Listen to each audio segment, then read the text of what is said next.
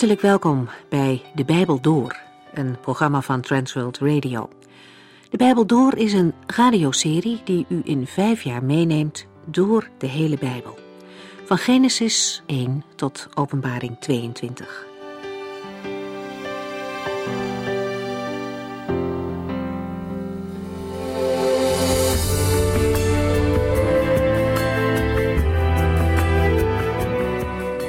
In de Bijbel door is vandaag Lucas 11 aan de beurt. De vorige aflevering hebben we het over twee gebeurtenissen gehad. Het verhaal van de barmhartige Samaritaan en het bezoek bij Martha en Maria. Jezus vertelt de gelijkenis van de Samaritaan als reactie op een vraag van een wetgeleerde. De man vraagt hoe hij het eeuwige leven kan krijgen. Niet omdat hij zich daar zo druk over maakt, maar meer om Jezus met deze vraag klem te zetten. Vragen zijn niet altijd bedoeld om een echt antwoord te krijgen. Als God liefde is, waarom is er dan zoveel lijden? En hoe zit het met de mensen die nog nooit het evangelie gehoord hebben? Vragen die een evangelist nogal eens hoort, maar die vaak bedoeld zijn als excuus om niet te hoeven geloven. Het valt op dat de Heer Jezus in zijn reactie verwijst naar de wet van Mozes, niet naar de traditie en de wetten van de rabbijnen. Om echt antwoorden te vinden, moeten we zoeken in het woord van God. Boeken en preken kunnen natuurlijk toevoegingen geven en het woord van God uitleggen, maar het is belangrijk om wat God zegt als basis te nemen. De wetgeleerde gaf een goed antwoord. Niet door de wet, maar in relatie met God vind je eeuwig leven. En dan, weer op doorreis, komt Jezus bij Martha en Maria. Martha kennen we vooral als degene die, door al het werk wat ze moet doen, niet echt toekomt aan het luisteren naar de Heer Jezus. Maar Martha is ook degene die de Heer met zijn discipelen ontvangt in haar huis. Ze was gastvrij. En dit positieve aspect van Martha moeten we ook niet vergeten. Ze mocht leren dat ze zich niet zo in beslag hoefde te laten nemen door haar werk. Voor ons, in die drukke, jachtige maatschappij, is het fijn dat ook dit bezoek genoteerd is in de Bijbel, zodat de Heer Jezus indirect ook tegen ons kan zeggen: Je maakt je wel bezorgd en druk over veel dingen, maar er is maar één ding nodig. Luister eerst naar mijn woorden. En zo gaan we verder met Lucas.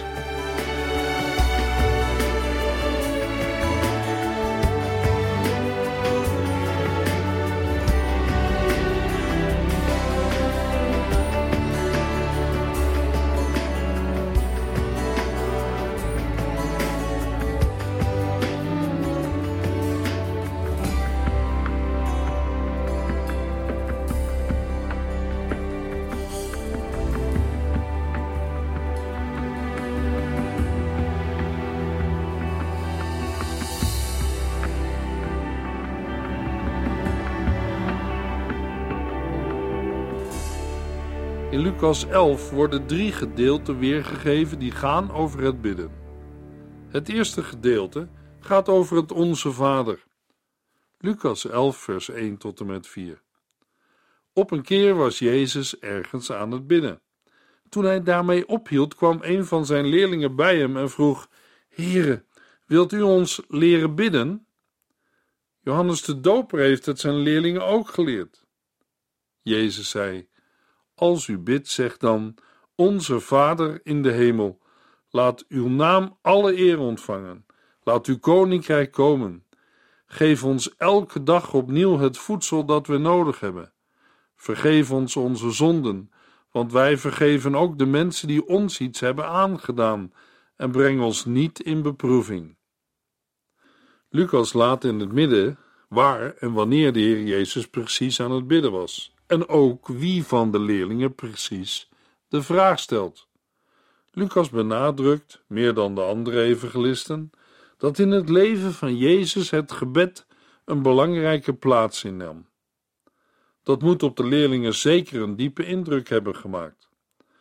Als iemand hun kon leren bidden, was het Jezus wel. Het was ook onder de rabbijnen niet ongebruikelijk om leerlingen naast de in de eredienst gangbare gebeden, ook eigen gebeden te leren. Vaak waren dat gebeden die heel specifiek waren gericht op de noden en behoeften van de eigen groep. Ook Johannes de Doper had zijn leerlingen gebeden aangeleerd. De vraag van de leerling: Heere, wilt u ons leren bidden? is dan ook niet zozeer een erkenning van eigen onkunde om te bidden, maar de vraag naar een concreet gebed waarin het nieuwe en het unieke van Jezus en zijn werk tot uitdrukking komt. Ik wil nog wat dieper ingaan op het Onze Vader. Laat uw naam alle eer ontvangen, betekent dat een gelovige de heilige naam van God eer geeft en graag wil eren. Laat uw koninkrijk komen betekent dat we bidden dat Gods wil op aarde wordt gedaan. Dat betekent dat een gelovige bidt dat de Heer het kwade wil neerslaan en doet verdwijnen en het goede wil geven en oprichten. Voor een gelovige betekent dit persoonlijk dat hij of zij het verlangen heeft om Gods wil te doen. Het is zonder inhoud en nutteloos om de woorden van het Onze Vader in de mond te nemen zonder het echt te menen. Het feit dat het gebed begint met Onze Vader in de hemel laat zien dat het een gebed is voor een gelovige, die de Heere God heeft leren kennen als Vader in de hemel. Het is niet voor ongelovigen die niet zijn gered. Mogen ongelovigen niet bidden? Natuurlijk wel, maar hun gebed begint niet met Onze Vader. Wat kan een ongered mens dan bidden? Het staat in Lucas 18, vers 13. God, ik ben een zondaar. Wilt u mij in genade aannemen? Het kan nog eenvoudiger. U mag ervan uitgaan dat de Heer genadig is en ook in staat uw genade te verlenen. Zelfs als u in een gebed geen woord kunt uitbrengen, maar tot de Heere gaat in een stil gebed, dan is zijn genade genoeg om u te redden. Maar als u tot God gaat, moet u geloven dat Hij bestaat en een beloner is van wie Hem ernstig zoeken. Luisteraar, de Heere wil echt niet dat u verloren gaat, maar dat u Hem erkent als de God van uw leven. Hij wil het alleen uit uw eigen mond horen. Misschien kent u dat oude psalmversje wel, uit de berijmde Psalm 81, vers 12. Opent uw mond, eist van mij vrijmoedig op mijn trouwe verbond. Al wat u ontbreekt, schenk ik, zo gij het smeekt, mild en overvloedig. Een ander deel van het Onze Vader gaat over zaken die ons lichaam nodig heeft. Geef ons elke dag opnieuw het voedsel dat wij nodig hebben. Daarna volgt het gebed om vergeving te ontvangen, maar ook om vergeving te schenken.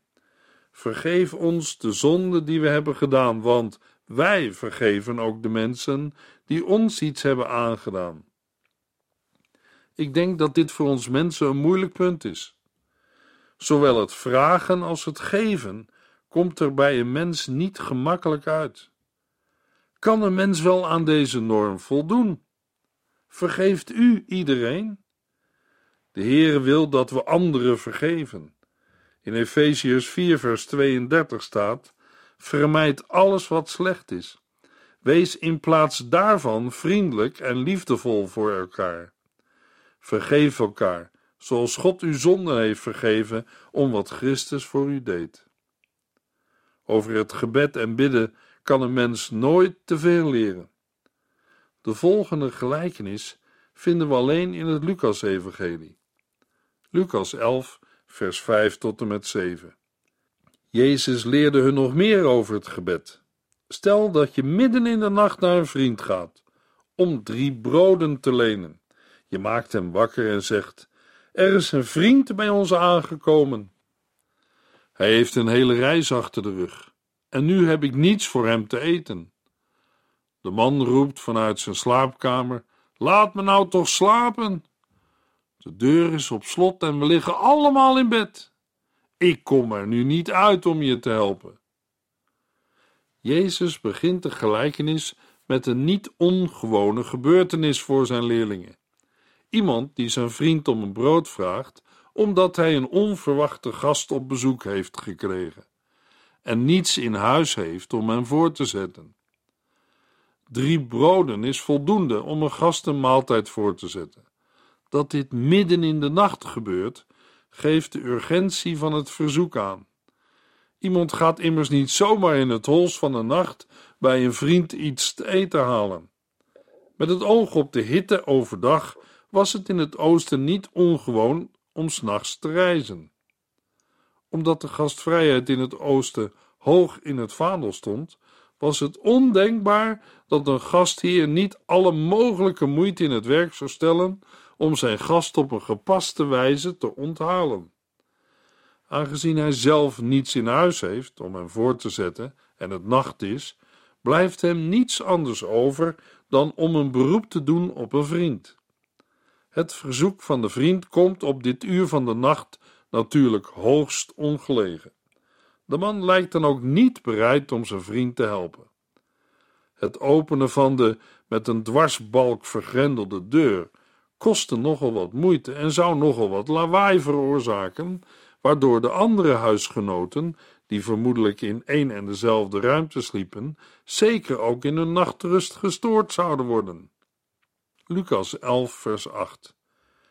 Ik verzeker jullie, ook als hij niet opstaat vanwege jullie vriendschap, dan zou hij opstaan vanuit zijn schaamteloosheid en je alles geven wat je nodig hebt. De weigering van die vriend is in werkelijkheid ondenkbaar, want hoe ongelegen een dergelijke vraag ook komt, uiteindelijk zal de man krijgen waar hij om vraagt. Ook al geeft de uit zijn slaap gewekte vriend het hem dan niet uit vriendschap, dan toch om van het gezeur af te zijn, dat wil zeggen, vanwege de opdringerigheid van de vragen. In het besef dat hij vroeg of laat toch op zijn verzoek in moet gaan, wil hij van hem afkomen. Waar het in deze gelijkenis om gaat, is niet het motief van de gebedsverhoring, ook niet om de volharding waarmee het gebed gepaard moet gaan. Het gaat om de zekerheid van gebedsverhoring. Een echte vriend zal geen moment twijfelen om zijn vriend te hulp te komen en hem geen moment laten wachten. De onuitgesproken toepassing van deze gelijkenis is dan: hoeveel te meer mag een gelovige dan rekenen op de hulp van de Heere God, de Vader in de hemel, die niets liever wil dan het gebed van zijn kinderen verhoren. Lucas 11, vers 9 en 10. Luister, zo gaat het ook bij het bidden. Vraag en je zult ontvangen. Zoek en je zult vinden. Klop en de deuren zullen voor je opengaan. Want ieder die bidt, ontvangt. Wie zoekt, vindt. En voor wie klopt, gaat de deur open. Denkt u echt dat God slaapt? Gelooft u dat de Heere uw gebeden niet wil beantwoorden? De Heere zal de gebeden van zijn kinderen beantwoorden. Het is wel mogelijk dat de mens niet tevreden is met Gods antwoord. Immers de antwoorden kunnen zijn ja, nee en even wachten. De Heere wil onze gebeden beantwoorden, maar dan moeten wij geen geestelijke belletjetrekkers zijn. Daar bedoel ik mee, wel iets vragen, maar niet wachten op een antwoord. In Jesaja 65 vers 24 staat Voordat ze mij roepen, zal ik hun al antwoord geven. Terwijl zij nog tegen mij praten over wat ze nodig hebben, zal ik al beginnen hun gebeden te verhoren. En als een mens iets heeft gebeden en het is niet gebeurd, dan moeten we toegeven dat de Heer nee heeft gezegd. Dat is meestal niet het eerste dat we zeggen. Nee, het eerste roept de mens dat God hem of haar in de steek heeft gelaten. Maar later schaam je erover en moet je de Heer om vergeving vragen. Hij liet niet in de steek. Hij wist wat voor u, jou en mij het beste was. Hij had iets veel beters in petto. Dan dankt de mens de Heere ook voor de keren dat hij nee zei. God slaapt niet. De deur staat wijd open en hij zegt: Klop, zoek en vraag. Breng alles in gebed naar de Heer en Hij zal u het beste geven. Lucas 11, vers 11 tot en met 13. Velen van jullie hebben kinderen. Als je zoon je om een vis vraagt, geef je hem dan een slang? Of als hij om een ei vraagt, geef je hem dan een schorpioen? Natuurlijk niet. Dus, al ben je slecht, je geeft je kinderen toch wat ze nodig hebben. Hoeveel te meer zal je hemelse Vader de Heilige Geest geven aan wie hem daarom vragen? Voortbouwend op de belofte dat God gebeden verhoort, gaat het in de verse 11 tot en met 13 om de manier waarop hij dat doet. Aan de hand van een drietal vergelijkingen, een brood en een steen, een vis en een slang, een ei en een schorpioen, maakt Jezus duidelijk dat wie zich in gebed tot God wendt, niet beschaamd zal uitkomen. Wat op het gewone menselijke vlak al vanzelfsprekend is, is nog vanzelfsprekender bij de Heere God. Zo'n manier van redeneren was ook onder de rabbijnen gebruikelijk. Uitgaande van een vaststaand feit, paste men dit feit in absolute zin op God toe. Vers 13 is bij Lucas anders dan bij Matthäus. In Matthäus 7, vers 11 lezen we: Hoeveel te meer zal uw hemelse Vader het goede geven wie hem erom vragen? In plaats daarvan is er bij Lucas, heel concreet, sprake van het gebed om de Heilige Geest. Met het oog op de situatie van de leerlingen van Jezus is dat begrijpelijk. De Heilige Geest is de goede gave bij uitstek. Na het heengaan van de Heer Jezus zullen de discipelen de Heilige Geest absoluut nodig hebben om in de sporen van hun meester te gaan en te blijven. Lucas 11, vers 14 en 15. Op een keer verjoeg Jezus een boze geest uit iemand die niet kon spreken. Zodra de geest weg was, begon de man te praten. De mensen stonden perplex. Maar sommigen zeiden: Geen wonder dat hij boze geesten kan wegjagen. Hun leider Beelzebul heeft hem die macht gegeven. Dat er een wonder heeft plaatsgevonden en Jezus de man werkelijk van de boze geest bevrijd heeft, wordt door geen van de omstanders ontkend. De feiten spraken wat dat betreft duidelijke taal. Maar over de vraag hoe Jezus tot een dergelijke machtsdaad in staat was, zijn de meningen verdeeld. Een aantal van hen heeft daarover een uitgesproken mening. Volgens Matthäus 12 waren het de Fariseeën. En Marcus 3 spreekt over de Bijbelgeleerden uit Jeruzalem. Zij zeiden dat Jezus die macht van Beelzebul had ontvangen, de leider van de boze geesten. Dat wil zeggen, van Satan zelf. De Joodse leiders konden het bestaan van Jezus' wonderen niet ontkennen. Zij zagen ze voor hun ogen gebeuren. Sommigen verklaarden de wonderen op de laagste en meest godslasterlijke manier. Ze ontkenden niet dat ze plaatsvonden, maar zeiden dat ze door de kracht van de duivel gebeurden. Lucas 11, vers 16 tot en met 19.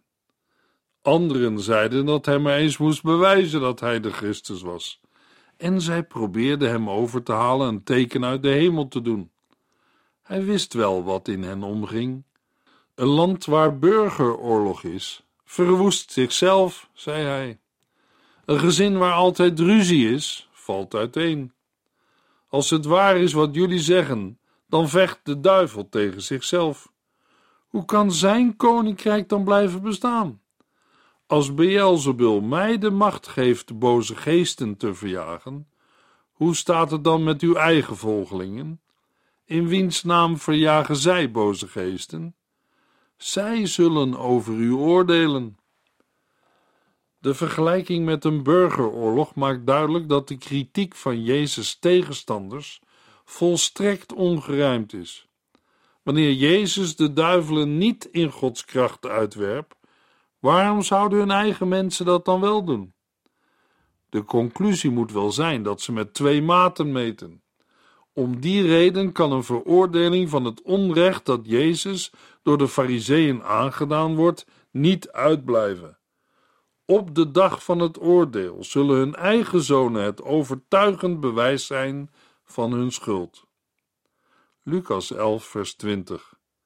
Maar als ik door de kracht van God boze geesten verjaag, is dat een teken dat het koninkrijk van God gekomen is.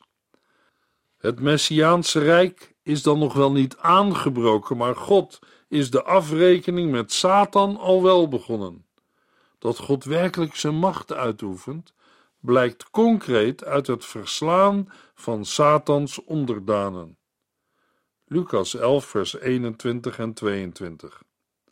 Zolang iemand goed bewapend is en zijn terrein streng bewaakt, hoeft hij zich niet ongerust te maken. Maar als er iemand op hem afkomt die sterker is en hem overwint, dan neemt die ander hem zijn wapens af, waar hij op vertrouwde, en geeft zijn buit aan anderen.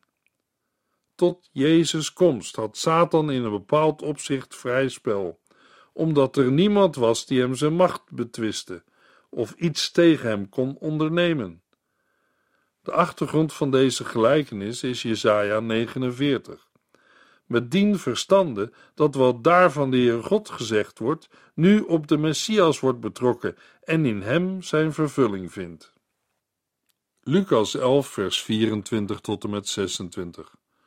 Als een boze geest uit iemand is weggegaan, zwerft hij door dorre streken op zoek naar rust. Maar hij vindt geen rust en besluit naar die persoon terug te gaan. Als hij daar aankomt, ziet hij dat zijn oude woning helemaal schoongemaakt en op orde is. Dan haalt hij zeven andere geesten, die nog slechter zijn dan hij zelf. En met z'n allen trekken ze erin en gaan daar wonen. Zo iemand is er daarna nog veel erger aan toe dan daarvoor. Deze versen zijn in eerste instantie een waarschuwing aan het adres van al diegenen die zich buiten Jezus om bezighouden met het uitdrijven van boze geesten. Maar ook de eigen leerlingen van Jezus zullen deze les ter harte moeten nemen. Gaat het uitdrijven van een boze geest niet gepaard met maatregelen die zijn terugkeer verhinderen, en wel concreet door de inwoning van de Heilige Geest, dan kan de bevrijding wel eens een averechts effect hebben. In de versen 29 tot en met 32 dringen de tegenstanders steeds meer op. Ze vragen bewijs van Jezus' geloofwaardigheid. Het antwoord van de Heer Jezus is: het enige bewijs dat ze zullen krijgen is het teken van Jona, vers 29.